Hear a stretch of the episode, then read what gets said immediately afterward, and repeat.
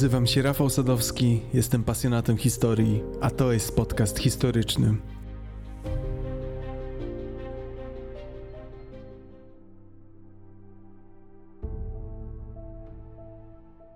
Co jako pierwsze przychodzi Wam do głowy, gdy myślicie o słowie międzynarodowa korporacja? Google, Amazon, Microsoft, może Apple. Ogromne firmy, każdy się z nimi zetknął. To jednak skojarzenia współczesne. Czy przychodzi Wam do głowy jakaś korporacja starsza niż druga połowa XX wieku? Zgaduję, że raczej nie. Tymczasem jedna z największych i najbardziej dominujących korporacji w historii działała na długo przed pojawieniem się gigantów technologicznych wspomnianych przed chwilą. Mowa o brytyjskiej kompanii wschodnioindyjskiej. Nie była to korporacja w dzisiejszym, wąskim tego słowa znaczeniu. Oczywiście, przede wszystkim zajmowała się pomnażaniem swojego majątku i inwestowaniem. Brytyjska kompania wschodnioindyjska jednak już samym swoim rozmiarem podlegającego sobie terytorium przewyższała wiele ówczesnych państw. W istocie była władcą znacznych części Indii, które to w tamtym czasie były jednym z motorów światowej gospodarki. Kiedy zaś pod koniec XVIII wieku kompania osiągnęła kres możliwości rozwoju biznesowego, znalazła nowe powołanie. Zaczęła rozwijać swoje własne imperium. W pewnym momencie ta mega korporacja dowodziła już prywatną armią, która składała się z 260 tysięcy żołnierzy, dwukrotnie większą liczbą niż stała armia brytyjska. Tak potężna siła była więcej niż wystarczająca, aby odstraszyć pozostałą konkurencję, podbijać niemal dowolne terytoria i zmuszać indyjskich władców do jednostronnych umów, które dawały kompanii lukratywne udogodnienia podatkowe. Bez kompanii wschodnioindyjskiej nie byłoby potężnych i bogatych Indii brytyjskich. Szalony sukces pierwszej międzynarodowej korporacji na świecie pomógł ukształtować dzisiejszą globalną gospodarkę. Jak jednak doszło do tego, że na początku XVII wieku powstała firma, która ostatecznie stała się potężniejsza niż niejedno państwo na ówczesnej kuli ziemskiej? Zaczynamy. Podcast historyczny powstaje wyłącznie dzięki Waszemu wsparciu. To nasze wspólne dzieło. Bardzo dziękuję każdemu wspierającemu patronowi. Szczególnie zaś dziękuję patronom mecenasom Alinie, Andrzejowi, Kamili, Łukaszowi, Monice, Markowi, Danielowi, Łukaszowi, Grzegorzowi, Łukaszowi, Witoldowi, Franciszkowi, Bartkowi i Konradowi. Wasze wsparcie jest naprawdę znaczące. Żeby odpowiedzieć na pytanie, jak z niczego powstała ta XVII-wieczna globalna korporacja, musimy cofnąć się w czasie, aż do roku 1577. Poznajcie Francisa Drake'a, angielskiego korsarza. W 1577 roku, na polecenie królowej Elżbiety, Drake podjął wyprawę przeciwko hiszpańskim posiadłościom na zachodnim wybrzeżu Ameryki. Wyprawa ta przekształciła się w wyprawę dookoła świata, drugą po wyprawie Magellana. Drake był jednak pierwszym kapitanem, który cało opłynął kulę ziemską. Magellan zginął podczas swojej pierwszej wyprawy. Drake w grudniu 1577 roku wypłynął z Plymouth w Anglii z ponad 150 osobami w załodze i pięcioma statkami. Galeon Pelican, przemianowany później na Golden Hind, Galeon Elizabeth, karawela Marigold, Karaka Swan i maleńka w porównaniu z pozostałymi Pinka Christopher. Po przepłynięciu Atlantyku dwa statki musiały zostać porzucone na wschodnim wybrzeżu Ameryki Południowej. Trzy pozostałe zaś przepłynęły cieśniną Magellana aż na Pacyfik. Pogoda nie sprzyjała.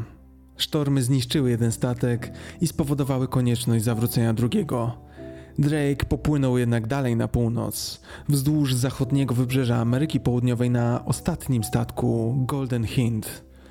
Swoją obecnością Drake odebrał Hiszpanom wyłączność na obecność na Pacyfiku łupiąc po drodze wszystko, co tylko się dało i zdobywając hiszpańskie statki oraz atakując hiszpańskie porty. Poszukując przejścia północnego na Atlantyk, Drake dopłynął aż do obecnej granicy USA z Kanadą. Nie znajdując oczekiwanego połączenia, skierował się na południe, obejmując oficjalnie w posiadanie królowej angielskiej odkrytą przez siebie Kalifornię, którą nazwał Nowym Albionem. Drake ostatecznie popłynął do Indii Wschodnich i dotarł do Moluków, znanych również jako Wyspy Korzenne. Tam spotkał się z sultanem Babulla z Ternate w zamian za angielskie len, złoto i srebro zakupił dużą ilość egzotycznych przypraw, w tym potężne worki goździków i gałki muszkatołowej. Co ciekawe, był to zakup niejako w ciemno. Anglicy nie zdawali sobie sprawy z ogromnej wartości tych przypraw. Wiedzieli jedynie, że takich przypraw w Europie nie ma.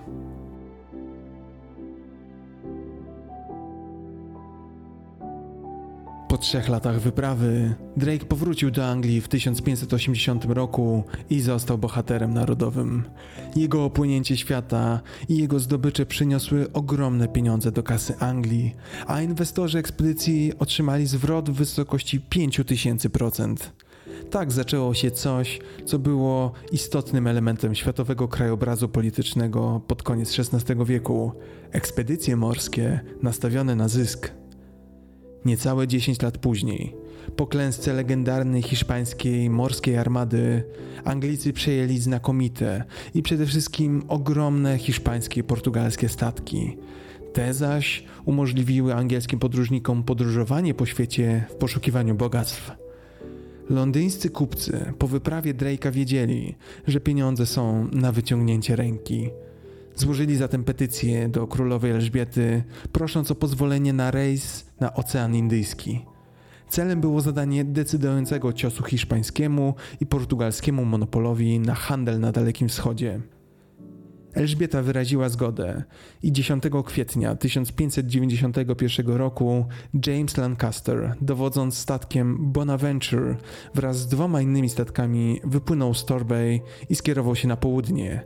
Następnie wokół przelądka Dobrej Nadziei na południu Afryki, a dalej na Morze Arabskie. Po przepłynięciu na Półwysep Malajski polował na tamtejsze statki hiszpańskie i portugalskie, a następnie powrócił do Anglii w 1594 roku, po trzech latach wyprawy. Ówczesną, największą zdobyczą, która zdecydowanie pobudziła angielski handel, było przejęcie ogromnej portugalskiej karaki Madre de Deus, czyli Matka Boska, Dokonał tego Sir Walter Raleigh i hrabia Cumberland. Madre de Deus zdobyto po bitwie pod Flores w dniu 13 sierpnia 1592 roku. Kiedy Madre de Deus wpłynęła do Dartmouth, świadkowie łapali się za głowy. Madre de Deus była największym statkiem, jaki kiedykolwiek dotychczas widziano w Anglii, a jej ładunek składał się z potężnych skrzyń wypełnionych klejnotami, perłami, złotem, srebrem, ambrą, czyli drogocennym składnikiem perfum, suknami, pieprzem, pachnącymi goździkami, cynamonem, gałką muszkatołową, jak również barwnikami pochodzenia naturalnego jak koszenila, a także hebanem, czyli drogocennym, pachnącym żywicą drewnem. Równie cenne były znalezione na statku dzienniki pokładowe, które zawierały istotne informacje na temat handlu z Chinami, Indiami i Japonią. Te niewyobrażalne bogactwa zachęciły Anglików do zaangażowania się w ten bliskowschodni, zdawałoby się, niewyczerpany w bogactwa handel. Jak to się jednak stało, że Indie stały się obiektem zainteresowania zachodnich potęg? Opowiedzmy co nieco o tym egzotycznym dla nas kraju. Indie to kraj kontrastów. Charakteryzują się dużą różnorodnością pod względem przyrodniczym, religijnym oraz kulturowym. Wyobraźnie rozbudzają żywymi kolorami i intensywnym zapachem przypraw. Pierwsze ślady ludzi na terenie dzisiejszych Indii liczą przeszło 30 tysięcy lat. Zachodnie Indie zostały podbite najpierw przez władcę Persów Dariusza w 518 roku przed naszą erą, a w 327 roku przed naszą erą przez Aleksandra Macedońskiego. Następnie dochodziło do kilkukrotnego zjednoczenia terenów Indii i ponownego rozpadu na samodzielne królestwa. W 712 roku do Indii dotarł islam. W XIV wieku niemal cały Półwysep Indyjski znalazł się pod panowaniem muzułmańskim. Następnie nastąpił ponowny rozpad, aż do zjednoczenia kraju pod rządami wielkich Mongołów. W 1498 roku do Indii dotarł Vasco da Gama. Imperium obejmujące niemal całe Indie i część Azji Środkowo-Wschodniej powstało za czasów Akbara – z czasem subkontynent ten stał się obiektem zainteresowania umacniających się mocarstw europejskich, a wszystko to z uwagi na wspomniane już dobrodziejstwa naturalne oraz tanią siłę roboczą. I faktycznie, po wyprawach Drake'a i Lancastera, dla każdego, kto chciał w Anglii szybko pomnożyć swój majątek, cel był jasny: Bliski Wschód, w tym Indie. Jednocześnie jasne też było, że pojedyncze wyprawy, takie jak Jamesa Lancastera, choć faktycznie mogły przynieść ogromne zyski, to nie miały większego sensu z uwagi na zbyt duże ryzyko. Inwestorzy musieli się zjednoczyć. I tak, w dniu 22 września 1599 roku grupa takich inwestorów spotkała się i wspólnie wyraziła i podpisała zamiar, cytuję, wyruszenia w podróż do Indii Wschodnich ku chwale i zadowoleniu Boga, aby nasz kraj prosperował. Wspólnie zebrano fundusz w kwocie 30 tysięcy funtów. To nie wydaje się wiele z dzisiejszej perspektywy, ale przeliczając na dzisiejszą wartość, stanowi to ponad 4 miliony funtów. Dwa dni później inwestorzy zebrali się ponownie i postanowili zwrócić się bezpośrednio do królowej o wsparcie ich projektu. Chociaż ich pierwsza próba nie zakończyła się pełnym sukcesem, to dalej zasypywali dwór królewski prośbami o zgodę i wsparcie ekspedycji. Przez cały rok pracowali i zebrali się 31 grudnia, aby ponownie wybrać się do królowej aby wykazać, jak bardzo są zdeterminowani, kupili dodatkowe statki dla swojego przedsięwzięcia i zwiększyli swój kapitał do prawie 70 tysięcy funtów, czyli już ponad 9 milionów dzisiejszych funtów. Tym razem się udało. Królowa przyznała Royal Charter, czyli królewską zgodę handlową na rzecz George'a Clifforda, hrabi Cumberland oraz 215 rycerzy, rajców i mieszczan. Zgoda ta zezwalała na utworzenie przedsięwzięcia pod nazwą Kompania Londyńskich Kupców Handlujących z Indiami Wschodnimi.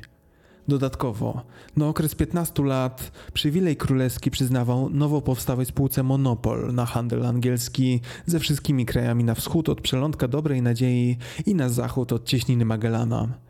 Wszyscy pozostali handlowcy, którzy naruszyliby statut bez licencji od kompanii, byli odtąd zobowiązani do przekazania swoich statków i ładunków, z czego połowa trafiłaby do korony brytyjskiej, a druga połowa do kompanii. Musiano liczyć się także z karą więzienia za naruszenie monopolu. I tak oto narodziła się nasza korporacja. Jeszcze mała, ale z wielkim apetytem na władzę i pieniądze i bardzo, bardzo zdeterminowana, by jak najszybciej osiągnąć sukces. Jak na korporację przystało, kompania od razu postawiła na jasną hierarchię wewnętrzną. Zarządzanie kompanią było w rękach jednego gubernatora. Dziś nazwalibyśmy go prezesem. Wspierało go 24 dyrektorów, którzy tworzyli Trybunał Dyrektorów. Dziś określilibyśmy ich zarządem. Oni z kolei odpowiadali przed Trybunałem Właścicieli. To odpowiednik dzisiejszej Rady Nadzorczej. Zgodnie z tradycją, interesy były początkowo zawierane w tawernie Nax Head naprzeciwko kościoła St. Botolph w Bishopgate, zanim kompania dorobiła się siedziby z prawdziwego zdarzenia, tak zwanego India House przy Lidenhall Street.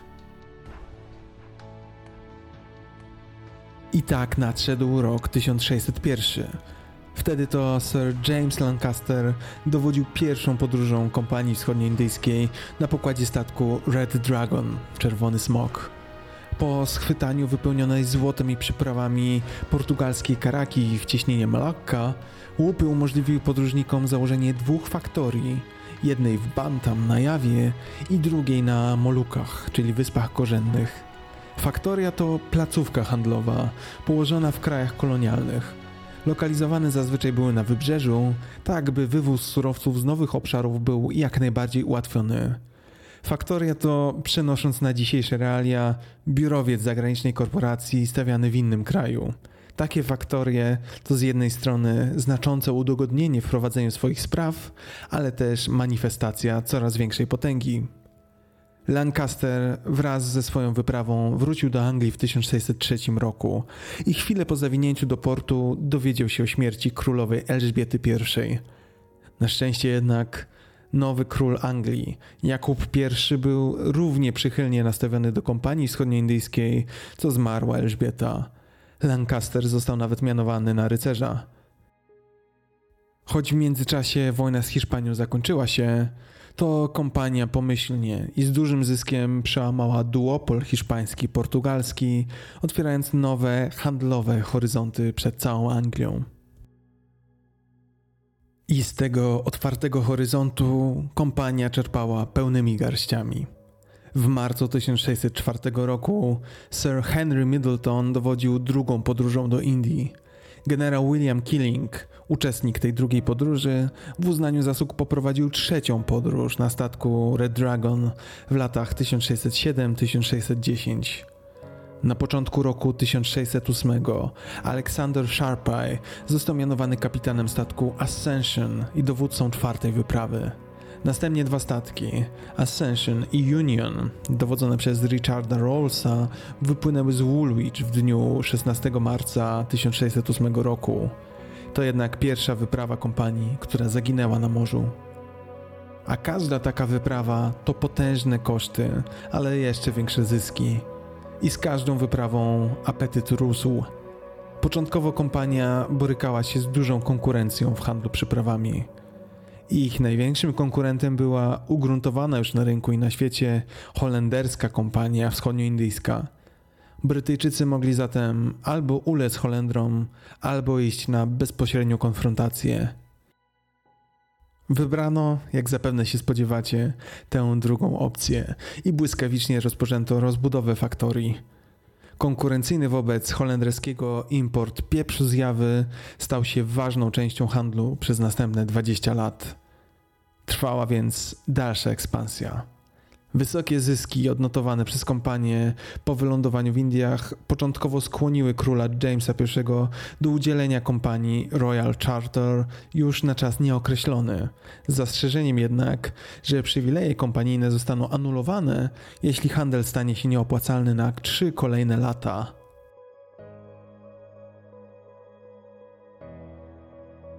Jak w tych latach, na początku XVII wieku, wyglądały stosunki między brytyjską kompanią a innymi państwami i kupcami?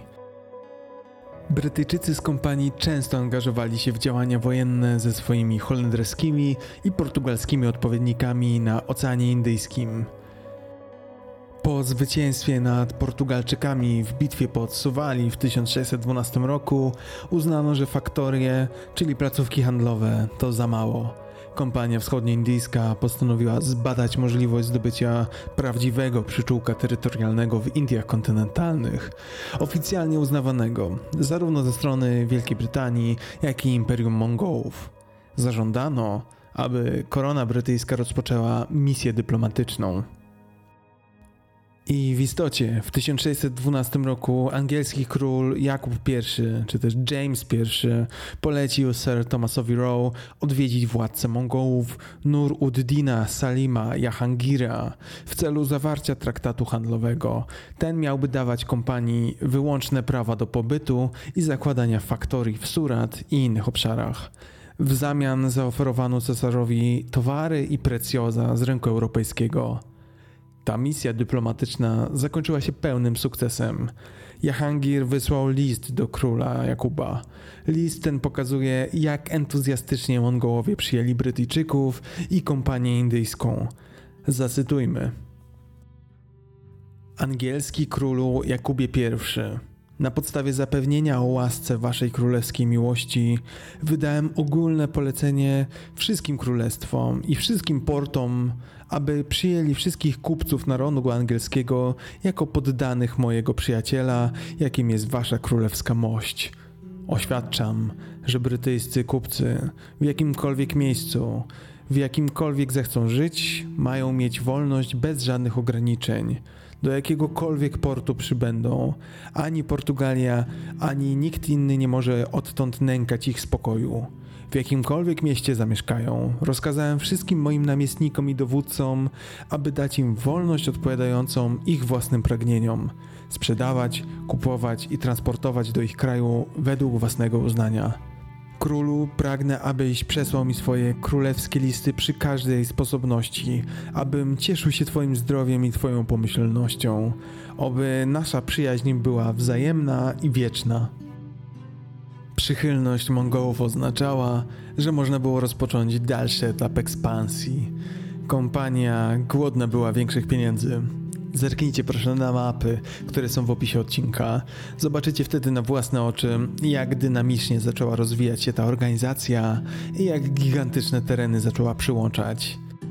Mapy te stanowią dobre podsumowanie tego, co błyskawicznie nastąpiło. Indie to nie był jednak jedyny cel. W międzyczasie bowiem w 1613 roku za panowania Tokugawy Hidetady z shogunatu Tokugawa brytyjski statek Clove, czyli goździk dowodzony przez kapitana Jamesa Sarisa stał się pierwszym brytyjskim statkiem, który zawinął do Japonii. Saris był głównym dowodzącym w placówce handlowej kompanii na Jawie i przy pomocy Williama Adamsa, brytyjskiego żeglarza, który przybył do Japonii w 1600 roku, udało mu się uzyskać pozwolenie od japońskiego władcy na założenie faktorii w Hirado na wyspie Kyushu. Cesarz Tokugawa ogłosił – Dajemy bezpłatną licencję poddanym króla Wielkiej Brytanii, Sir Thomasa Smitha, gubernatora i kompanii kupców i poszukiwaczy przygód z Indii Wschodnich, na zawsze bezpiecznie przybywających do każdego z naszych portów naszego cesarstwa Japonii ze swoimi statkami i towarami. Bez żadnych przeszkód dla ich ani dla ich dóbr. Dajemy pozwolenie na przebywanie, kupowanie, sprzedawanie i wymianę handlową na swój własny sposób ze wszystkimi narodami. Przebywanie tutaj, dopóki uznają to za dobre i odejścia według własnego uznania. Niestety Japończycy stawiali twarde warunki handlowe Kompania, nie mogąc pozyskać japońskiego surowego jedwabiu w celu importu do Chin, jednocześnie mając obszar handlowy ograniczony wyłącznie do Hirado i Nagasaki, zamknęła swój japoński oddział w 1623 roku. To jednak małe potknięcie, a kompania dalej rozszerza swoją działalność handlową. Wkrótce saldo handlowe kompanii przewyższało to, które wykazywała portugalska Estado de India. Co więcej, w późniejszym czasie Portugalia oddała Bombay Anglii jako część posagu Katarzyny Brangaccia, wnoszonego do małżeństwa z królem Charlesem II. Brytyjczycy utworzyli placówki handlowe w Surat, Madras, Bombaju oraz w Kalkucie. Do 1647 roku kompania, która w tamtym czasie nie miała jeszcze 50 lat, założyła już 23 faktorie, każda pod dowództwem mistrza kupca i gubernatora. Jednocześnie miała już 90 swoich pracowników w samych tylko Indiach. Głównymi faktoriami stał się otoczony murami Fort William w Bengalu, Fort St. George w Madrasie i zamek w Bombaju, Bombay Castle. W 1634 roku cesarz Mongołów Jahangir zaprosił kupców angielskich do regionu Bengalu, a w 1717 całkowicie zniósł cło dla ich handlu. Podstawą działalności kompanii była wówczas bawełna, jedwab, barwnik indygo, saletra oraz herbata. Konkurencja tymczasem wzmagała się przy zmniejszonych wpływach portugalskich i hiszpańskich w regionie, brytyjska i holenderska kompania, dwaj pozostający gracze weszli w okres intensywnej współrywalizacji. Holendrzy byli w tym czasie przeciwnikiem niebagatelnym. W ciągu pierwszych dwóch dekad XVII wieku holenderska kompania wschodnioindyjska była najbogatszą operacją handlową na świecie. Zatrudniała 50 tysięcy pracowników, miała też flotę 200 statków. Specjalizowała się w handlu przyprawami i wypłacała swoim akcjonariuszom 40% rocznej dywidendy. Brytyjska kompania, choć sprawnie zarządzana, była w porównaniu naprawdę maleńka. Brytyjska kompania zaciekle konkurowała z Holendrami i Francuzami o przyprawy z wysp korzennych. W tamtym czasie przyprawy cenione w Europie można było znaleźć tylko na wyspach. Mowa tu o specjałach takich jak pieprz, imbir, gałka muszkatołowa, goździki czy cynamon. Sprowadzanie ich do Europy przynosiło zyski rzędu 400% z jednej tylko podróży. W efekcie narastające napięcie pomiędzy holenderskimi i brytyjskimi spółkami handlowymi stało się tak duże, że przerodziło się w cztery wojny angielsko-holenderskie. I nawet pomimo tych wojen, sytuacja dalej była patowa, a Holendrzy nie chcieli odpuszczać. Jednocześnie kompania raportowała królowi, że brak postępów wynika z tego, że proces decyzyjny jest zbyt długi, że kompania zbyt długo musi czekać na królewską decyzję, aby skutecznie walczyć z konkurencją w Indiach. A zwycięstwo w Indiach oznaczałoby przecież coraz większe profity, w tym dla króla. Król więc nie miał wyboru, bierność oznaczałaby bowiem przegraną. W 1670 roku zdecydował się wzmocnić kompanię. I to niebagatelnie. Nadał brytyjskiej kompanii prawo do autonomicznych nabytków terytorialnych, bicia swojej monety, dowodzenia fortecami i wojskami oraz zawierania sojuszu, wojny i pokoju oraz sprawowania jurysdykcji cywilnej i karnej na nabytych obszarach.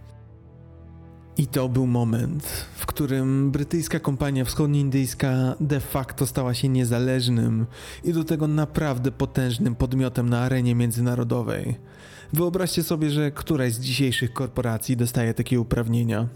Niepojęte, a jednak to właśnie zdarzyło się raptem 350 lat temu.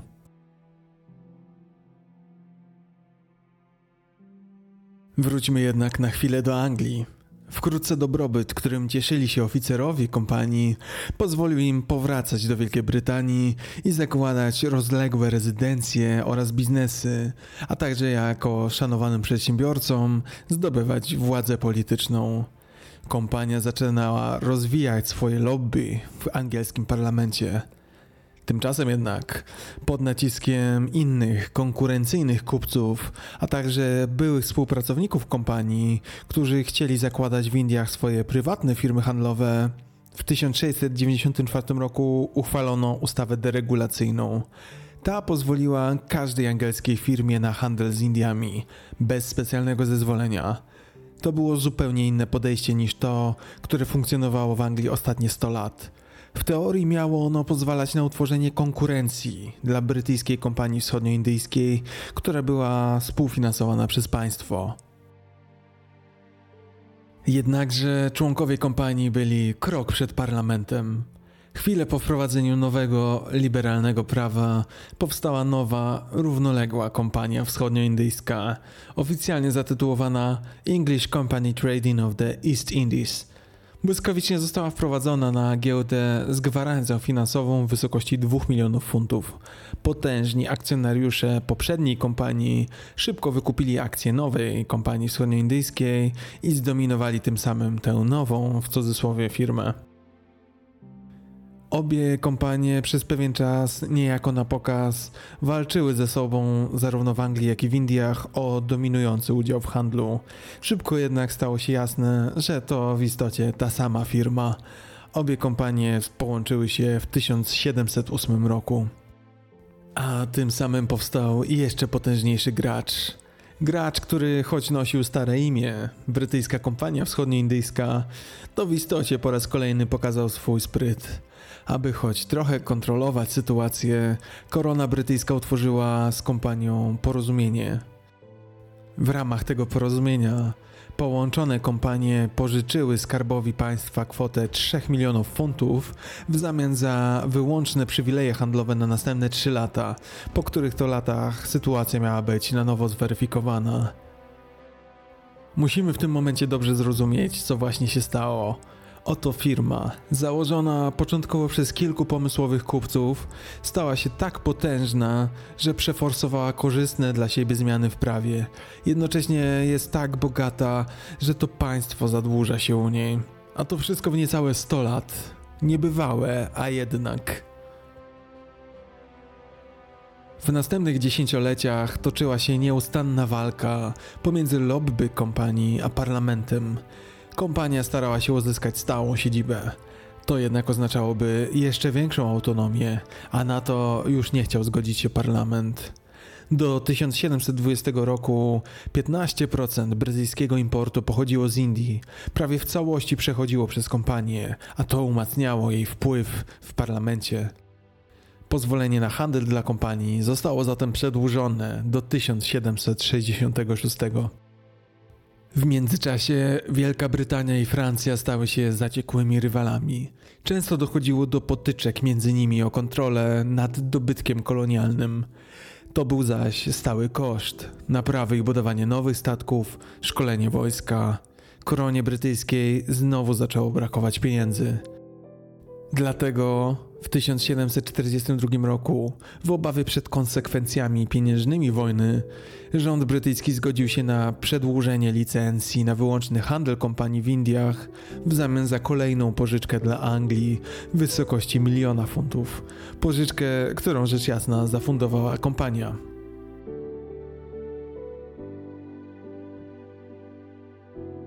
Wydawało się, że prawna i organizacyjna przepychanka pomiędzy kompanią a koroną brytyjską będzie trwać wiecznie. I wtedy wybuchła narastająca od lat wojna siedmioletnia. To konflikt, o którym w Polsce słyszy się niewiele, a szkoda. Wojna siedmioletnia to wojna pomiędzy Wielką Brytanią, Prusami i Hanowerem, a Francją, Austrią, Rosją, Szwecją i Saksonią. Była to wojna o zasięgu światowym. Walki toczyły się w Europie, Ameryce Północnej, Indiach i na Wyspach Karaibskich. W późniejszej fazie konfliktu do wojny siedmioletniej przyłączyły się Hiszpania i Portugalia oraz starająca się początkowo zachować neutralność Holandia, której siły zostały zaatakowane w Indiach. W wojnie siedmioletniej wzięło udział większość ówczesnych światowych mocarstw. Wojna ta stanowiła też decydującą fazę w trwających niemal 100 lat zmaganiach francusko-brytyjskich o dominację w Ameryce Północnej. Wojna ta charakteryzowała się oblężeniami i podpaleniami miast, ale również bitwami na otwartym polu z wyjątkowo ciężkimi stratami. Ocenia się, że wojna siedmioletnia pochłonęła prawie półtora miliona ofiar. I to właśnie wojna siedmioletnia skierowała uwagę Anglii na konsolidację i obronę posiadłości terytorialnych w Europie i koloniach. Ta wojna toczyła się bowiem również na ziemi indyjskiej, pomiędzy wojskami kompanii walczącymi w imieniu Brytanii, a siłami francuskimi. Stawką tam były ziemie w Indiach. I tak dochodzimy do kolejnego genialnego fortelu kompanii – Choć w 1757 roku losy wojny nie były jeszcze rozstrzygnięte, to już wtedy urzędnicy korony brytyjskiej wydali opinię prawną Pratt York. Opinia Pratt York to wybitne dzieło prawnicze. Argumentuje i uzasadnia, dlaczego należy rozróżniać terytoria zamorskie zdobyte na mocy prawa podboju od tych nabytych na mocy traktatu albo innej umowy. W opinii Pratior stwierdzono, że choć korona brytyjska miała prawo do zwierzchnictwa nad terenami kupionymi przez kompanię, to prawo własności terenów zdobycznych przysługiwało tym, którzy ją zdobyli, czyli kompanii wschodnioindyjskiej. Ta opinia, choć wydana przecież przez koronę brytyjską, bardzo sprzyjała ewentualnemu zwycięstwu kompanii w wojnie z Francją. Skąd tak sprzyjający pogląd? Rozwiązanie jest proste Otóż jeden z autorów opinii prawnej pracował wcześniej jako prawnik dla kompanii właśnie. Przyznacie, że genialne. Żeby jednak mowa była o jakichkolwiek zdobyczach, wojna siedmioletnia musiała zostać wygrana i faktycznie zmierzała ona ku końcowi. A ostatnim akordem tej wojny była bitwa pod Palasi. Bitwa pod Palasi była decydującym zwycięstwem brytyjskiej kompanii wschodnioindyjskiej nad znacznie większymi siłami Nawaba z Bengalu i jego francuskich sojuszników. Bitwa miała miejsce 23 czerwca 1757 roku. Zwycięstwo brytyjskiej kompanii było początkiem prawie dwóch wieków panowania Brytyjczyków w Indiach. Jak na wydarzenie o tak doniosłych konsekwencjach, bitwa ta była zaskakująco mało imponująca militarnie, za to miała zdradę w tle. Jak do tego doszło? W 1755 roku Siraj ud Dowlah został Nawabem i przyjął politykę profrancuską. Nawab to tytuł muzułmańskiego księcia w Indiach, zwłaszcza w Bengalu. Potocznie znaczy to bogacz. Tytuł Nawaba nadawany był przez władców mongolskich namiestnikom. Bengal zaś to kraina historyczna w Azji Południowej, we wschodniej części niziny hindustańskiej nad Zatoką Bengalską. Zachodnia część Bengalu leży w Indiach, a wschodnią stanowi Bangladesz. Siraj ud Dowlah w sojuszu z Francją najechał brytyjskie punkty handlowe, w tym Kalkutę. Tam też pozostawił brytyjskich więźniów na śmierć w przepełnionych więzieniach.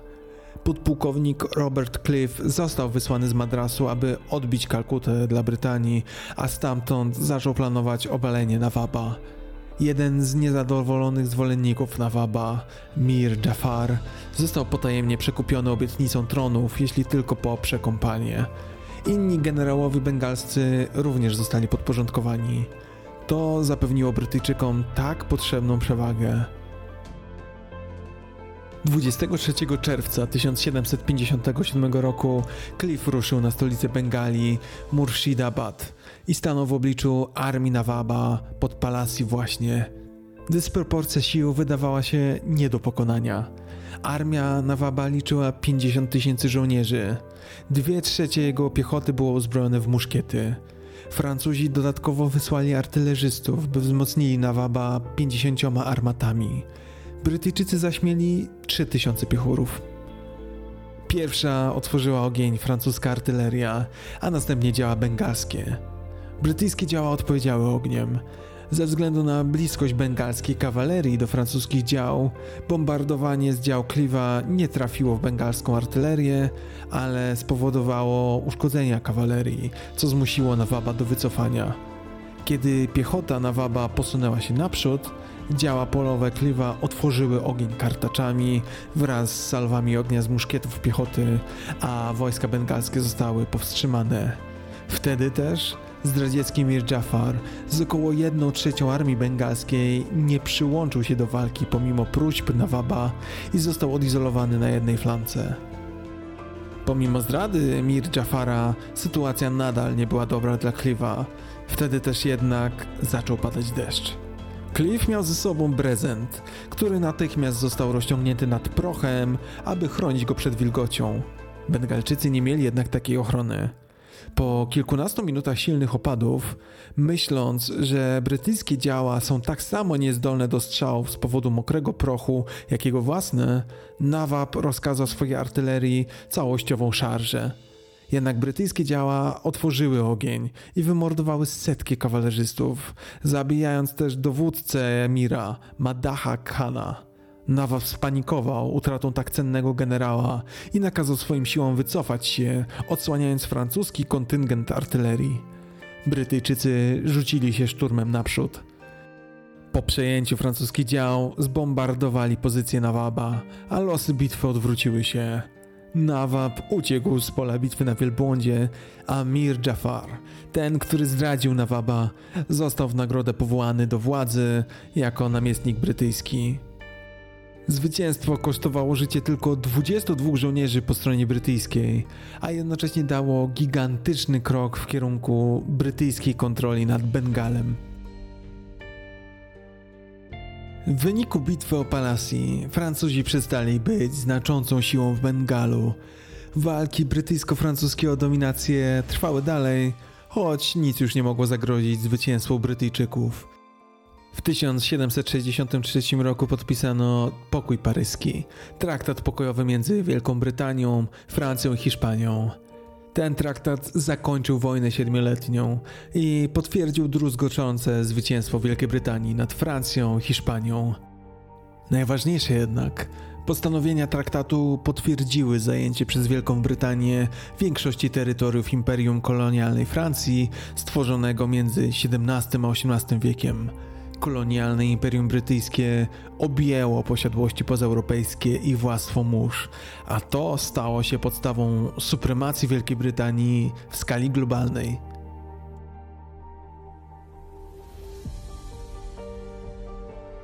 Pozostawał jednak pewien problem. O ile wedle traktatów tereny Indii, Bangladeszu i przyległe należały do Wielkiej Brytanii, to faktycznie rządziły tam rdzenne ludy i Mongołowie. Ci zaś niechętnie chcieli się zgodzić na wymianę Francuzów z Anglików. Dla nich była to zmiana czysto tytularna. Dalej bowiem byliby zależni od zamorskiej władzy. Dlatego doszło do kolejnych walk, można powiedzieć niepodległościowych. Tym razem Anglicy nie walczyli z Francuzami, a z rdzenną ludnością indyjską i muzułmańską, a kulminacją tych walk była bitwa pod Buxar.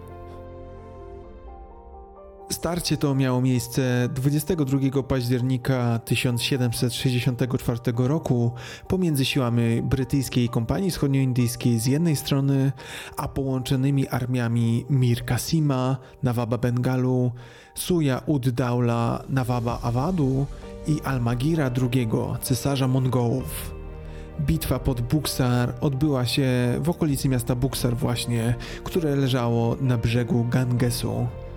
Było to decydujące, druzgoczące zwycięstwo brytyjskiej kompanii. Po bitwie pod Buxarem Nawabowie praktycznie stracili swoją siłę militarną. Brak podstawowej koordynacji między tymi trzema różnymi sojusznikami był odpowiedzialny za ich decydującą klęskę. Brytyjskie zwycięstwo pod Buxarem za jednym zamachem zniszczyło trzech głównych potomków potęgi Mongołów. Cała dolina Gangesów odtąd zdana była na łaskę kompanii. Efektem tej bitwy było narzucenie prawa Diwani. To prawo oddawało kompanii administrację, sprawy podatkowe oraz zarządzanie dochodami na wielkich obszarach, które obecnie stanowią indyjskie stany Bengal Zachodni, Bihar i Uttar Pradesh. Bitwa pod Buksarem to początek rządów brytyjskiej kompanii wschodnioindyjskiej w tej całej części subkontynentu indyjskiego. I to właśnie od tego momentu możemy mówić o narodzinach prawdziwej, bezwzględnej i nieograniczonej potęgi brytyjskiej kompanii. Tej samej kompanii, która 150 lat wcześniej nawet nie istniała. Zakończył się zatem etap zbrojnych walk i podbojów konkurentów. Już w 1793 roku Nizamat, czyli lokalna władza, została zniesiona przez kompanię. Nawabowie, dotychczasowi wodzowie na tych terenach, przeszli na przymusową emeryturę, opłacaną zresztą z budżetu kompanii. Poszerzenie kompanijnej władzy przybierało od tej pory głównie dwie formy – Pierwszą z nich była po prostu stopniowa aneksja kolejnych państwek indyjskich, a następnie bezpośrednie zarządzanie leżącymi u ich podstaw regionami. Te zaś łącznie objęły Indie brytyjskie. Metodę tę stosowano w przypadku małych, biednych rejonów. Nie miały one bowiem możliwości jakiegokolwiek oporu. Mówiąc wprost, kompania wkraczała ze swoją armią na dany teren i ogłaszała, że od tej pory te tereny należą do niej. Drugą formą przejmowania władzy były traktaty, w których władcy danego kawałka terytorium Indii uznawali hegemonię kompanii w zamian za pozostawienie im ograniczonej autonomii wewnętrznej. Tę metodę stosowano w przypadku bogatszych rejonów Płaciły one bowiem na rzecz kompanii znaczący podatek, ale faktycznie częściowa autonomia zostawała w ich rękach. Było to rozwiązanie na rękę obu stronom. Na początku XIX wieku terytoria takie stanowiły dwie trzecie Indii. Kompania preferowała ten sposób. Była to metoda rządzenia pośredniego, która nie wiązała się z ekonomicznymi kosztami bezpośredniej administracji, ani też politycznymi kosztami uzyskiwania i utrzymywania poparcia. Im większe terytorium, tym trudniej się nim zarządza. Jak zatem zarządzać terenami o wielkości dzisiejszych Indii? Zapraszam Was za korporacyjne kulisy kompanii wschodnioindyjskiej. Aż do zwycięstwa w Palasi, terytoria kompanii wschodnioindyjskiej w Indiach, te, które składały się głównie z miast prezydenckich Kalkuty, Madrasu i Bombaju, były zarządzane przez w większości autonomiczne i przez to skłonne do buntów rady miejskie. Te zaś były złożone z lokalnych kupców. Rady miejskie miały ledwo wystarczające środki do skutecznego zarządzania swoimi sprawami lokalnymi, a co dopiero tymi narzucanymi przez kompanię. Wynikający z tego brak nadzoru nad całością działalności kompanii doprowadzał do wielu poważnych nadużyć i sprzyjał korupcji albo przymykaniu oczu na problemy. Zwycięstwo w Palace i jego następstwa sprawiły, że Indie szybko znalazły się w centrum uwagi Wielkiej Brytanii. Korona brytyjska zdawała sobie sprawę, że kompania to gigant, który z czasem może zapomnieć, za czyim pozwoleniem w ogóle powstał.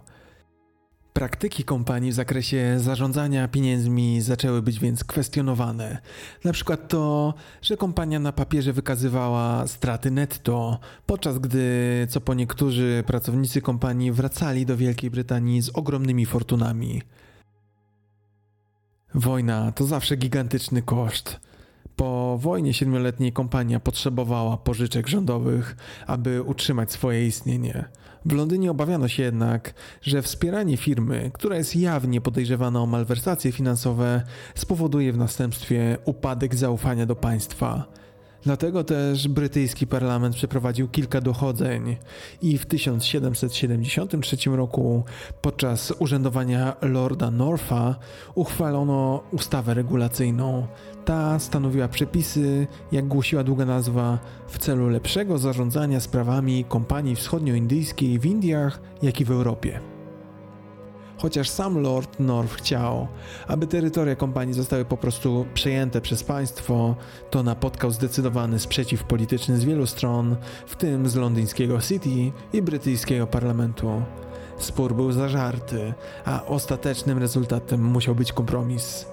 Od tej pory więc Trybunał Dyrektorów Kompanii, czyli Kompanijna Rada Nadzorcza, był zobowiązany do przedkładania wszelkich komunikatów dotyczących spraw cywilnych, wojskowych i skarbowych w celu zbadania przez rząd brytyjski.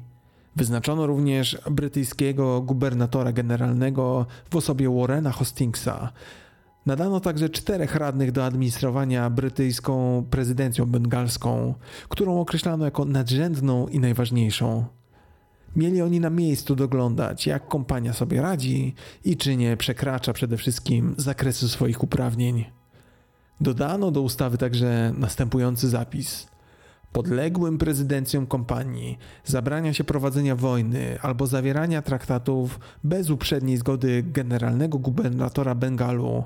Wyjątkiem są sytuacje, gdy jest to nieuchronna konieczność – i to właśnie ten nieprecyzyjnie sformułowany zapis o nieuchronnej konieczności pozostawiał furtkę na różną interpretację.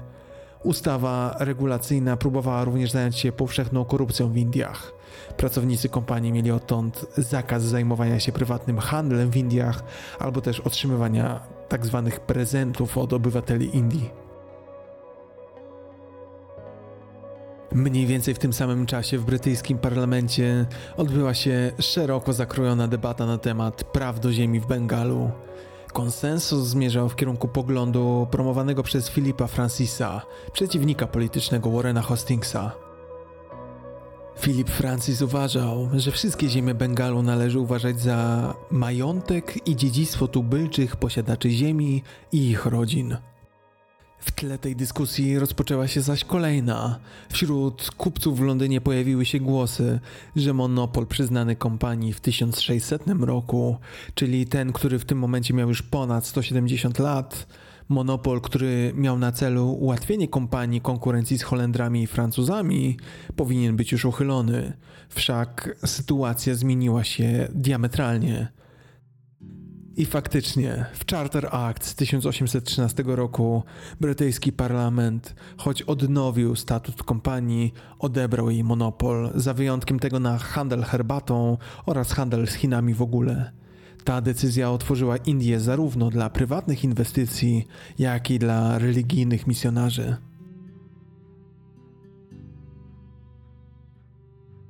Podsumujmy zatem.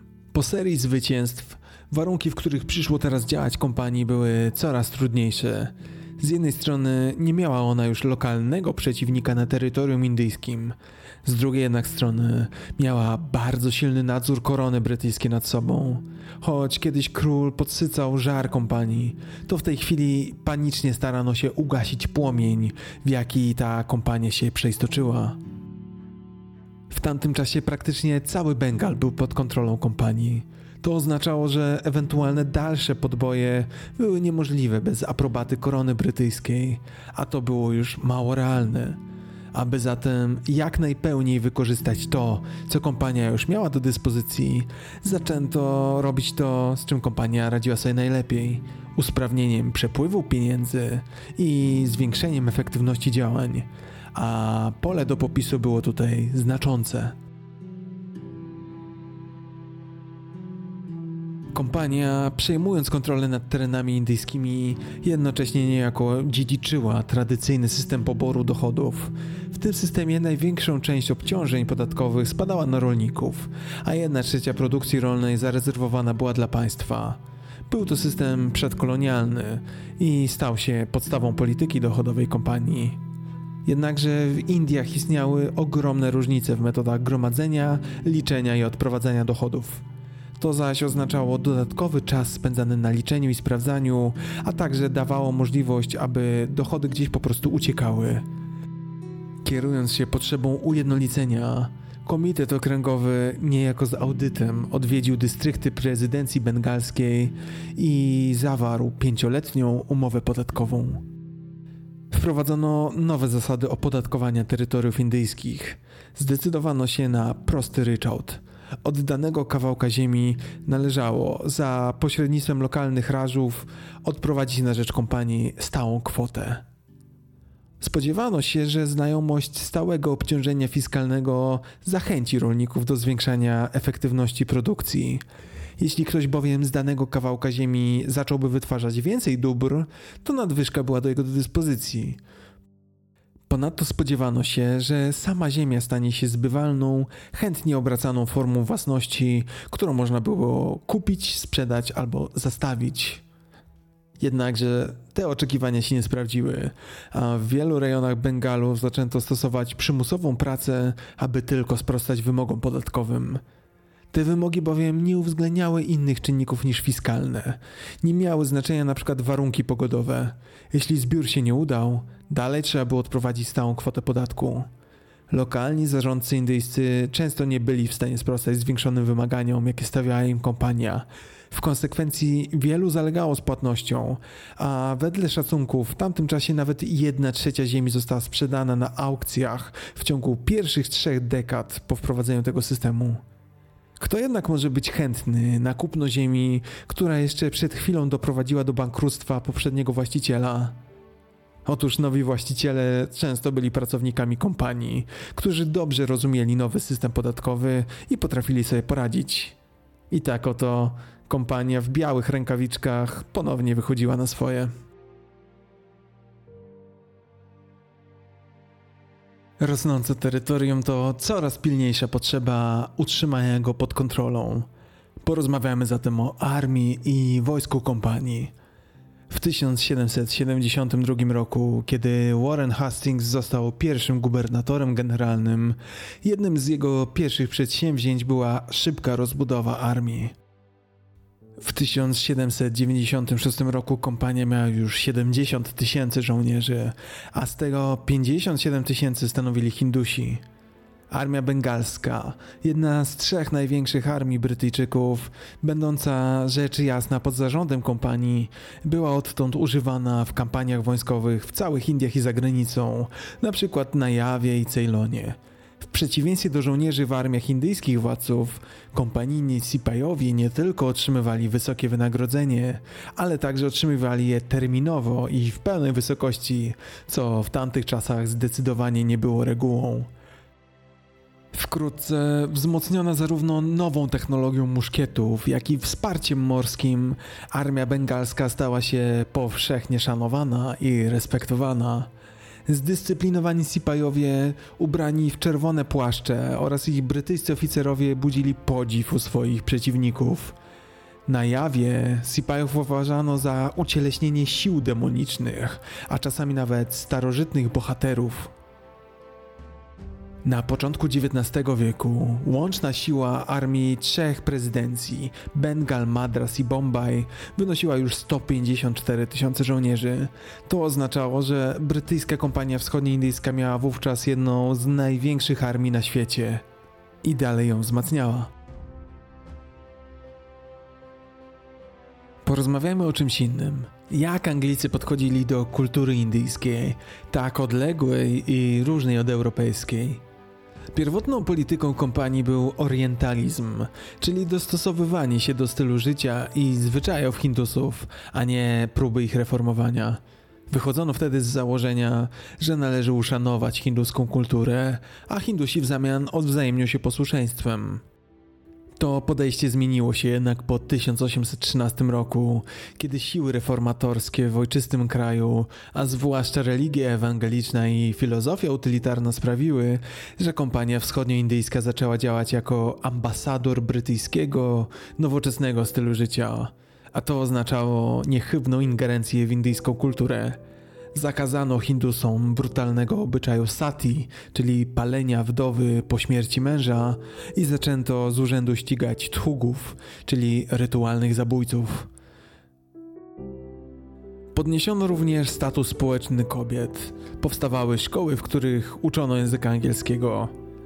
Z drugiej strony, lata 30. i 40.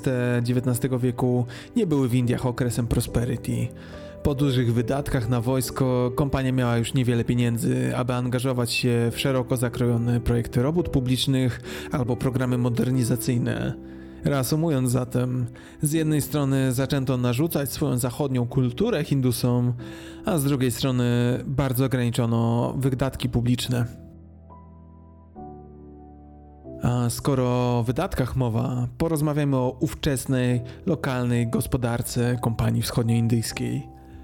O ile bowiem jeszcze w latach 50. XVIII wieku z Indii na rynki Europy, Azji i Afryki eksportowano przeważnie drogocenne bawełniane jedwabne tkaniny, czyli materiały już przetworzone i gotowe do wykorzystania, np. szycia, to już w drugiej ćwierci XIX wieku eksportowano nieprzetworzoną, surową bawełnę, opium i barwnik indygo. Wynikało to z dużego popytu na świecie na te surowce. To skłoniło wielu rolników w Indiach do przejścia na uprawę bawełny jako bardzo dochodowej. W tym czasie handel wschodnioindyjski z Chinami również zaczął się rozwijać. Na początku XIX wieku w Wielkiej Brytanii znacznie wzrósł popyt na chińską herbatę. Kompania rzecz jasna chciała kupować herbatę i wysyłać ją z zyskiem do Wielkiej Brytanii. Chińczycy chcieli jednak zapłaty za swój towar. Tymczasem, jak wspomniałem, podaż pieniądza w Indiach była ograniczona, a kompania nie mogła sprowadzać bez ograniczeń płatniczego kruszcu jak złoto i srebro z Wielkiej Brytanii. Zdecydowano się więc na handel wymienny. Za herbatę z Chin wymieniano indyjskie opium, które było ściśle reglamentowane w Chinach, a jednocześnie było produkowane w wielu częściach Indii. Opium to substancja otrzymywana przez wysuszenie soku mlecznego z niedojrzałych makówek maku lekarskiego. Opium było w przyszłości używane głównie jako środek przeciwbólowy, ale też uspokajający, nasenny i odurzający, głównie w postaci nalewki alkoholowej zwanej laudanum. Palono również opium. To sprawiało, że opium było bardzo pożądanym towarem dla Chińczyków, gdyż łatwo można było nim zasilić czarny rynek narkotyczny. Wkrótce jednak, widząc, że handel indyjsko-chiński zaczął opierać się wyłącznie o płatności w opium, władze chińskie zakazały importu i konsumpcji opium indyjskiego.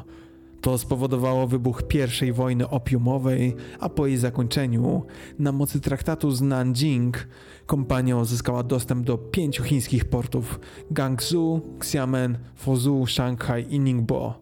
Ponadto Hongkong został scedowany na koronę brytyjską. Pod koniec drugiej ćwierci XIX wieku eksport opium stanowił już 40% eksportu Indii. Innym ważnym, choć niecodziennym z dzisiejszego punktu widzenia produktem eksportowym był wspomniany barwnik indygo. Barwnik indygo ekstrahuje się z naturalnych liści tropikalnej rośliny indygowca barwierskiego, występującej m.in. w Indiach właśnie. W Europie pod koniec XVII i na początku XVIII wieku modna była niebieska odzież, a niebieskie mundury były powszechne w wojsku. W konsekwencji zapotrzebowanie na barwnik indygo było bardzo wysokie. Ten popyt był jednak niestabilny, a rynek załamał się zarówno w 1827 roku i 20 lat później, w 1847.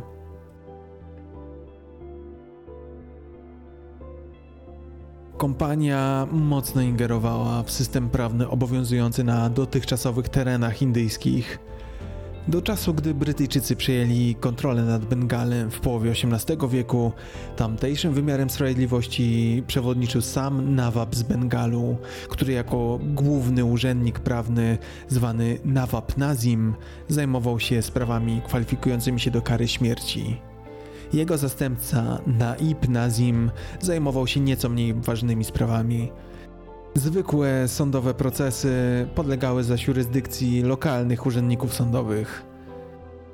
Na terenach wiejskich zwanych mofusilami władze wymierzania sprawiedliwości mieli zamindarowie, czyli sołtysowie z dziedzicznym prawem do pobierania czynszu. Robili to rutynowo, niechlujnie. Nie musieli nawet specjalnie odpowiadać przed kimkolwiek, dopiero bowiem wykonywanie kary śmierci musiało być uprzednio zgłaszane Nawabowi. Ten układ, rzecz jasna, wymagał pilnej zmiany. W statucie nadanym przez Karola II kompanii w 1683 roku przyznano uprawnienia do tworzenia lokalnych sądów jurysdykcyjnych w wybranych przez siebie miejsca, z których to każdy sąd składał się z prawnika kompanii i dwóch jej kupców. Tym samym całkowicie zdominowano sądownictwo bengalskie.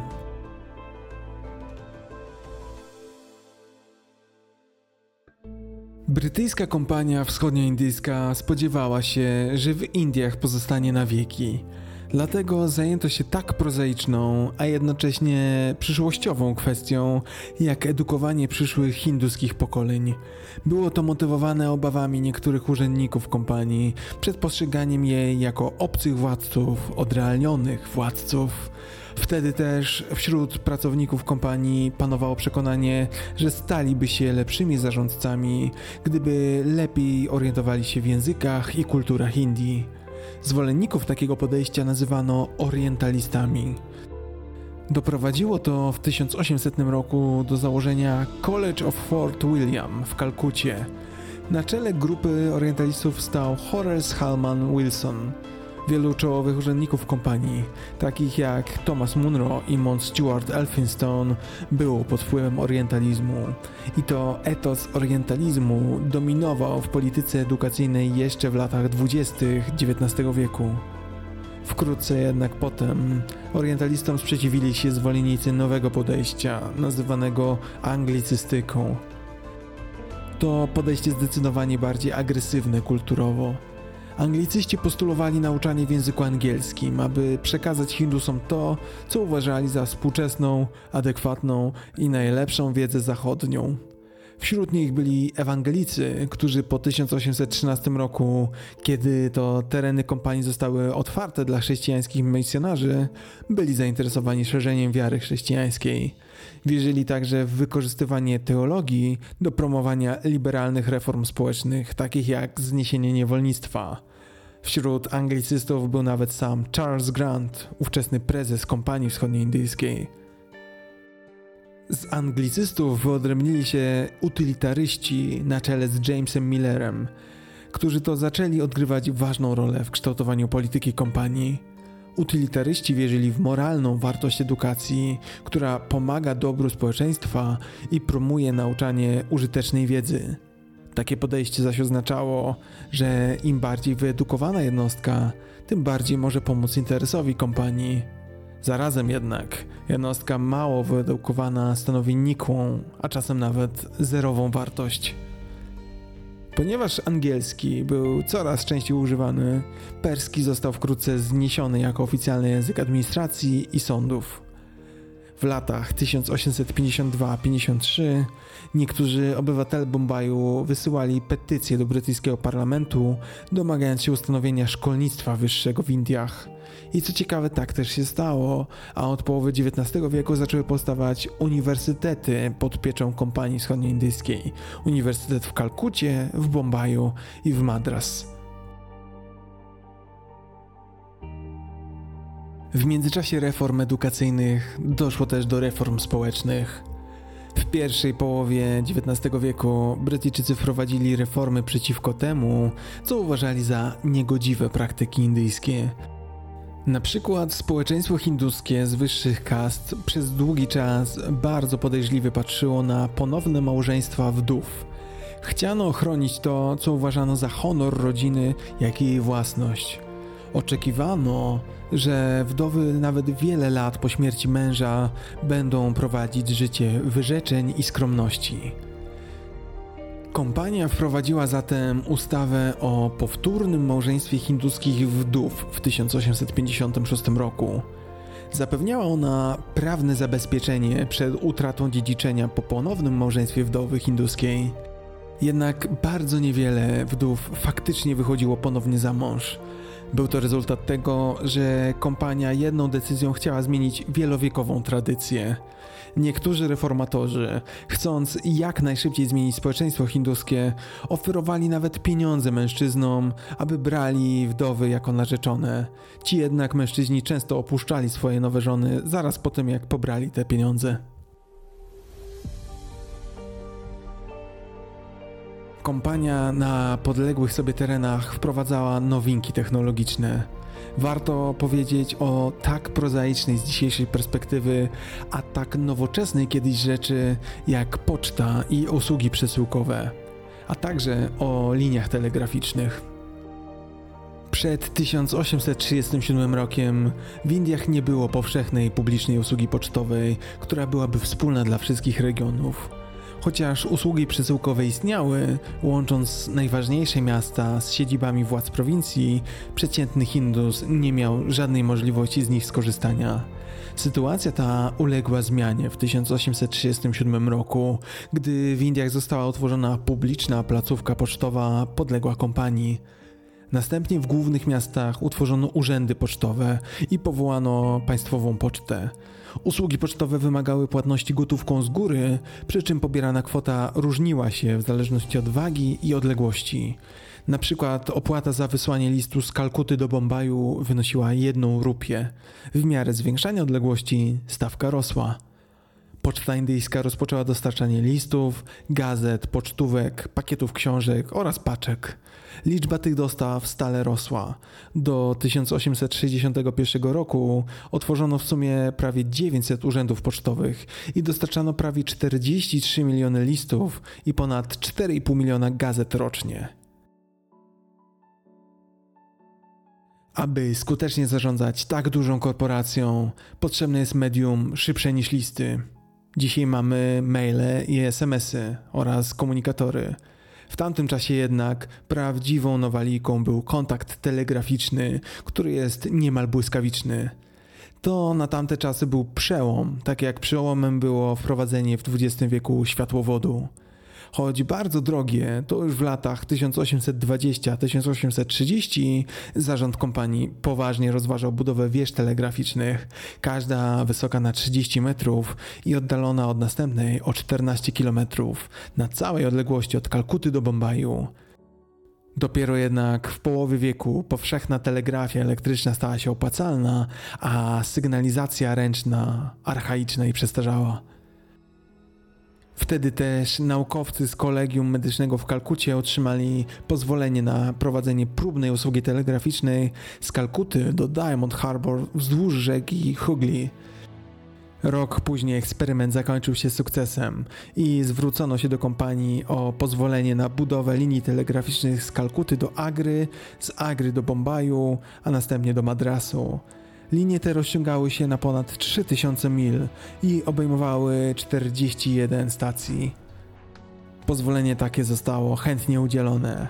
Do lutego 1855 roku wszystkie proponowane linie telegraficzne zostały zbudowane i zaczęły być używane do wysyłania płatnych wiadomości. Opłata za skorzystanie z telegrafu została ustalona na poziomie jednej rupii za każde 16 słów. Opłaty były podwajane za telegramy wysyłane między godziną 18 a 6 rano.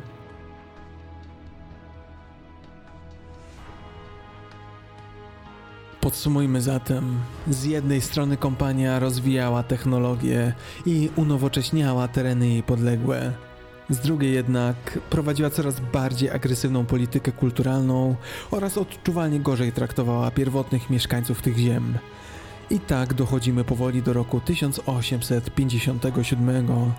I to właśnie wtedy brytyjska kompania wschodnioindyjska, potężna korporacja, mająca własną armię, lądy, mająca prawo wypowiadania wojen, nagle upadła. I jak to bywa zazwyczaj, choć teoretycznie przyczyną była rewolucja, to doprowadził do niej splot pomniejszych czynników. Posłuchajcie o powstaniu Sipajów. Powstaniu, które zadało kompanii wschodnioindyjskiej cios tak potężny, że zakończył jej byt. Sipajami, jak pamiętacie, byli żołnierze indyjscy, którzy zostali zwerbowani do armii kompanii. Tuż przed samym powstaniem w armii było ponad 300 tysięcy Sipajów w porównaniu do 50 tysięcy Brytyjczyków. A jeśli na wojsku opiera się swój byt w danym miejscu, to o to wojsko trzeba dbać.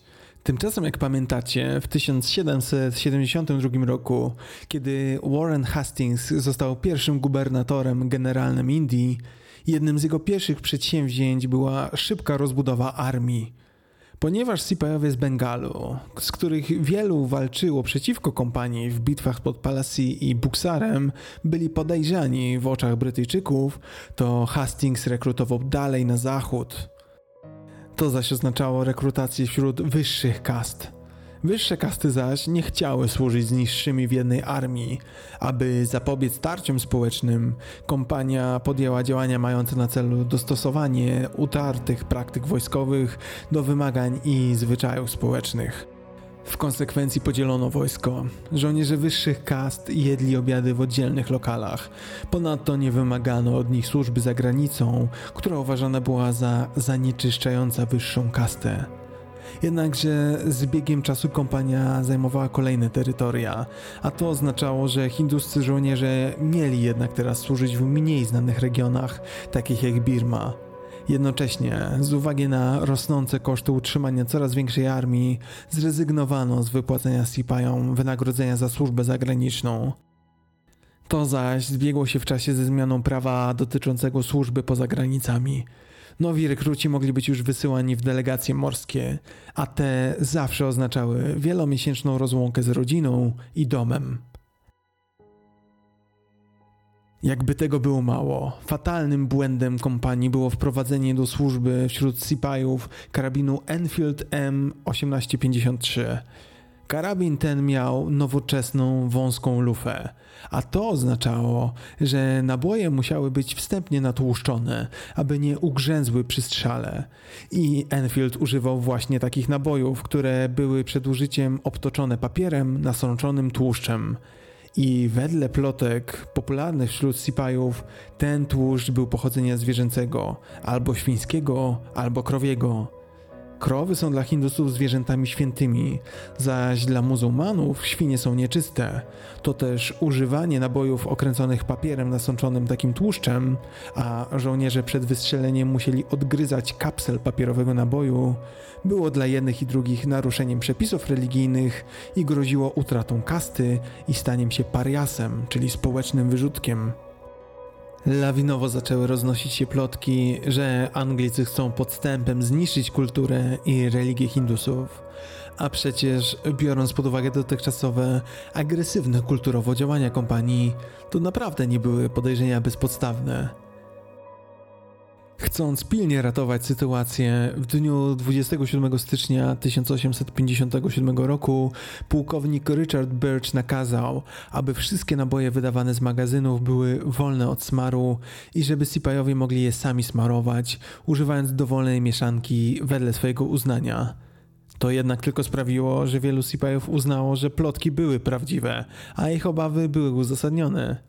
Ponadto pojawiły się nowe plotki, że papier w nowych wkładach, który był szkliwiony i sztywniejszy niż papier poprzednio używany, był tak czy siak impregnowany tłuszczem.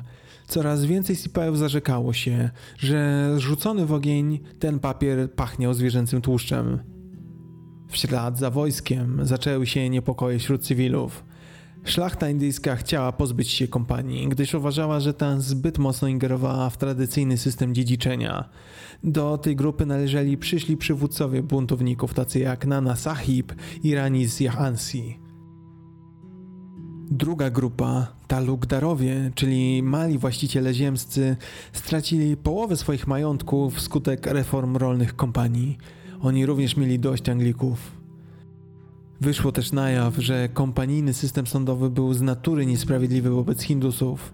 Okazało się, że oficjalom kompanii pozwalano na nieskończoną serię odwołań. Rdzenni mieszkańcy mogli zaś odwoływać się od niezadowalającego wyroku tylko raz. To spowodowało kolejne niepokoje społeczne.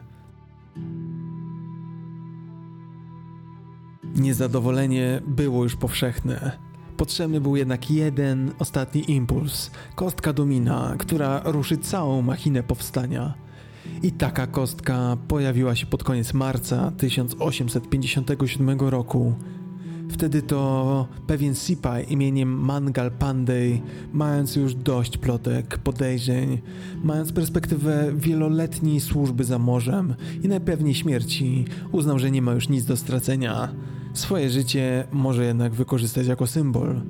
Z podniesionym czołem, więc z bronią w ręku, samodzielnie zaatakował brytyjskich oficerów w garnizonie wojskowym w Barakpor. Został natychmiast aresztowany, a następnie stracony przez Brytyjczyków na początku kwietnia. To był krok, który z jednej strony przelał czarę goryczy, a z drugiej strony Mangala Pandeya uczynił męczennikiem. Męczennikiem, który do dziś traktowany jest w Indiach jako bohater narodowy. Powieszenie Mangala Pandeya zapoczątkowało szereg dalszych zdarzeń. Kilka dni później Sipajowie z Mirut odmówili przyjęcia nabojów do karabinu Enfield i za karę zostali skazani na długie wyroki więzienia. Związano ich w kajdany i wtrącono do lochów. To uczyniło z nich kolejnych męczenników. Ich współtowarzysze powstali 10 maja, rozstrzelali swoich brytyjskich oficerów i pomaszerowali wprost na Delhi, gdzie nie było w tym czasie wojsk europejskich, a jedynie kontyngenty sipajskie. W Delhi miejscowy garnizon Sipajów dołączył do powstańców. O zmierzchu emerytowany cesarz Mongołów Bahadur Shah II został nominalnie przywrócony do władzy. Zajęcie Delhi dało paliwo do całego buntu. Nastroje były euforyczne, nadchodził koniec jarzma brytyjskiego. Powstanie Sipajów szybko, w ciągu około dwóch tygodni rozszerzyło się na większość północnych Indii. I w tym momencie okazało się, że model armii kompanii, choć bardzo efektywny ekonomicznie, był szalenie niebezpieczny dla niej samej. Jak wiecie, zdecydowaną większość armii kompanii stanowili Sipajowie właśnie. I oto w chwili powstania przeciwko raptem 45 tysiącom Anglików stanęło ponad 230 tysięcy Sipajów. Dowództwo nad powstańcami objął Nana Sahib. Spośród ważnych ośrodków miejskich zajęto przy wsparciu cywilów wspomniane Delhi, oblegano także Lucknow i Kanpur. Opór przeciwko Anglikom nie był jednak powszechny. Tych bowiem w tłumieniu powstania Sipajów wsparli lokalni książęta indyjscy, zainteresowani podtrzymaniem swojej władzy, a także sam król Nepalu. Po ściągnięciu posiłków z Bliskiego Wschodu i innych dużych miast, Anglicy rozpoczęli tłumienie powstania, poczynając od Pendżabu. Stawką było odzyskanie kontroli nad Indiami, a tym samym dalsze istnienie tej bardzo istotnej części brytyjskiego imperium. I to był moment, gdy powstanie zaczęło upadać. Powstanie Sipajów było bardzo brutalnym okresem w historii Indii. Choć dużych bitew nie zdarzyło się zbyt wiele, to pomiędzy nimi ludność cywilna cierpiała niespotykane katusze. Działania kompanii miały charakter odwetowy. W samym Oud, według niektórych szacunków, śmierć poniosło 150 tysięcy Hindusów, z czego 100 tysięcy to cywile. Po zdobyciu każdego z większych miast następowały liczne masakry. Przemoc wzajemnie się napędzała z obu stron. Bywało, że Sipajowie zabijali brytyjskie kobiety, dzieci i rannych żołnierzy. Brytyjczycy zaś zaczęli stosować wystrzelenie z armaty. Była to bardzo okrutna kara. Skazanych buntowników przywiązywano plecami do lufy armaty i wystrzeliwywano pocisk. Ten rozrywał nieszczęśnika na strzępy. Znęcano się, zmuszając wielu muzułmańskich albo hinduskich buntowników do jedzenia wieprzowiny lub wołowiny. Praktyki tortur obejmowały przypalanie gorącym żelazem, zanurzanie w studniach i rzekach aż do utopienia, kastrowanie i wieszanie z gałęzi drzew. W jednym z zapisów świadków czytamy: Kiedy Anglicy pokonali wroga, złapali 140 mężczyzn, kobiet i dzieci. Wybrali z grupy 60 mężczyzn, zmusili ich do zbudowania sobie szubienicy z drewnianych bali zebranych z płonących domów. Następnie wybrali 10 mężczyzn z grupy i powiesili ich bez żadnych dowodów, żadnego procesu. Pozostałych zaś ukarali chłostą i biciem, aby dać nauczkę. Innym razem w jednej z wiosek około 2000 wieśniaków, uzbrojonych tylko w drewniane laski, wystąpiło w pokojowym proteście. Powstali, aby stawić czoła Brytyjczykom. Ci zaś ich otoczyli i podpalili im wioskę. Powstanie Sipajów trwało dwa lata. Dwa lata wykrwawiania i sukcesywnego niszczenia tego, co udało się przez 100 lat osiągnąć kompanii. Najpierw były desperackie walki w Delhi, następnie operacje wokół Lucknow zimą 1857 i 58 roku. Wreszcie kampanię Sir Hugh Rosa na początku 58 roku. Pokój i rozejm zostały ogłoszone 8 lipca 1859 roku. Powstanie Sipajów zostało zduszone. Dwuletnie zmagania to jednak było dużo więcej niż była w stanie zrozumieć korona brytyjska. Było to coś, czego nie dało się w dyplomatyczny sposób przedstawić do oceny parlamentowi. Mit brytyjskiej kompanii wschodnioindyjskiej, panującej niepodzielnie nad całym kontynentem indyjskim, przepadł bezpowrotnie. Brytyjskie przywództwo i politycy surowo potępili kompanię. Nareszcie przeciwnicy kompanii, którzy przez dwa stulecia walczyli z jej niekontrolowanym rozrostem, zostali usłyszeni. I na fali oburzenia, na fali doniesień o tym, jakie potworności działy się w Indiach, udało się przeforsować opcję totalną, ostateczną. Zgodnie z postanowieniami ustawy Government of India Act 1858, rząd brytyjski znacjonalizował kompanię przejął indyjskie posiadłości kompanii, jej uprawnienia administracyjne, maszynerię oraz wszystkie siły zbrojne. To była anihilacja. Nikt nie spodziewał się, że dojdzie do tak drastycznego kroku. Jest to z dzisiejszej perspektywy po prostu niepojęte, a jednak wydarzyło się. W tamtym momencie kompania wschodnioindyjska była tak rozbudowana pod względem prawnym, że wyemitowane przez nią zobowiązania i papiery dłużne trwały po jej rozwiązaniu i zostały wygaszone przez rząd Wielkiej Brytanii dopiero podczas II wojny światowej. Od tamtej chwili, od 1859 roku, kompania istniała już jedynie w szczątkowej, kadłubkowej formie, kontynuując zarządzanie handlem herbatą w imieniu rządu brytyjskiego. 1 stycznia 1874 roku po raz ostatni odbyło się roczne zebranie akcjonariuszy kompanii. Panowała ponura, smutna atmosfera. Wypłacono ostatnią dywidendę i na koniec przegłosowano uchwałę o zakończeniu działalności brytyjskiej kompanii wschodnioindyjskiej. I tak zakończył się formalnie i faktycznie byt tej korporacji. Rok później dziennik The Times pisał: Brytyjska kompania wschodnioindyjska osiągnęła więcej niż jakakolwiek firma w historii ludzkości. Bardzo wątpliwe jest, aby którekolwiek przedsiębiorstwo było w stanie kiedykolwiek przewyższyć rozmiar osiągnięć kompanii. A jakie były skutki upadku kompanii w Indiach? Przede wszystkim początek polityki porozumienia i wzajemnych konsultacji z Hindusami. Do organów państwowych zaczęto powoływać lokalnych przedstawicieli, a nie wyłącznie Brytyjczyków. Programy edukacyjne i roboty publiczne, takie jak drogi, koleje, irygacje, zostały zintensyfikowane. Nieudane powstanie Sipajów wywarło wpływ na samych mieszkańców Indii. Tradycyjne, silnie kastowe indyjskie społeczeństwo nie było w stanie realnie się zjednoczyć. Książęta i inni wyżej urodzeni albo trzymali się z daleka od buntu, albo w większości okazali się niekompetentni. Upadek powstania Sipajów oznaczał upadek nadziei na odrodzenie indyjskiej niezależności w takim kształcie społecznym jak kiedyś. Tradycyjna struktura społeczeństwa indyjskiego zaczęła się rozpadać i ostatecznie została wyparta przez zachodni system klasowy i kulturowy. W 1858 roku rząd brytyjski przejął kontrolę nad terytoriami i ustaleniami traktatowymi dawnej kompanii wschodnioindyjskiej. W 1876 roku obszar, który obejmował dzisiejsze Indie, Pakistan i Bangladesz, stał się Imperium Indyjskim. Brytyjsko-indyjska armia została założona i następnie pomagała Wielkiej Brytanii w wielu wojnach, w tym obu wojnach światowych. Po powstaniu Sipajów indyjski ruch niepodległościowy zyskiwał na popularności. Ciągle wzrastał sprzeciw wobec rządów brytyjskich, zarówno poprzez czynne powstania, jak i przez bierny opór, czego najlepszym przykładem była sama postać Gandiego.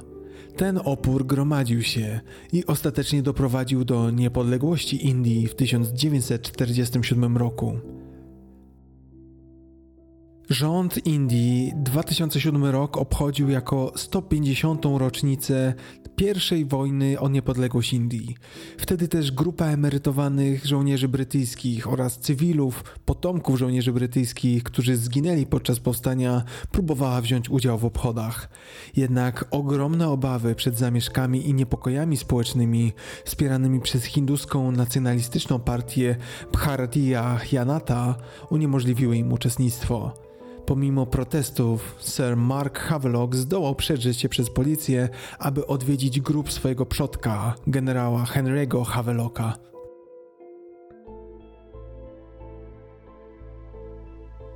Pomimo, że brytyjska kompania wschodnioindyjska rozwiązała się ponad 150 lat temu, do dziś każdy z nas odczuwa to, że kiedyś istniała i działała – jako pionier korporacjonizmu, kompania ukształtowała sposób prowadzenia dzisiejszego biznesu w globalnej gospodarce. Trudno jest zrozumieć dzisiejszą geopolitykę bez zrozumienia ówczesnej roli kompanii. Wątpliwe, aby dzisiejszy kapitalistyczny system gospodarczy wyglądał tak, jak wygląda, gdyby w pewnym momencie historii Anglia nie stała się taką potęgą, a to za pośrednictwem i dzięki kompanii. Brytyjska kompania wschodnioindyjska była nowoczesną, przełomową siłą. Jednocześnie jednak była wizją. Wizją tego, jak stworzyć od zera wielką potęgę.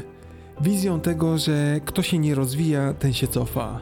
Agresywny, drapieżny wzrost. Tę wizję wyeksportowali do reszty świata i ta wizja jest z nami do dziś. Brytyjska kompania wschodnioindyjska stanowi kamień węgielny, na którym zbudowano współczesny porządek świata.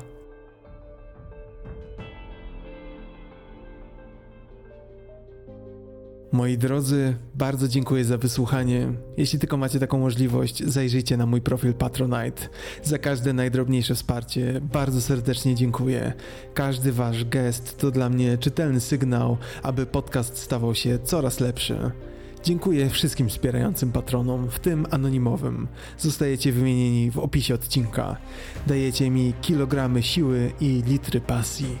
Będę wdzięczny za subskrybowanie kanału na YouTube, recenzję na Apple Podcasts oraz przede wszystkim za podzielenie się tym podcastem ze znajomymi. Zapraszam też na fanpage podcastu. Do usłyszenia, dobrego dnia, cześć.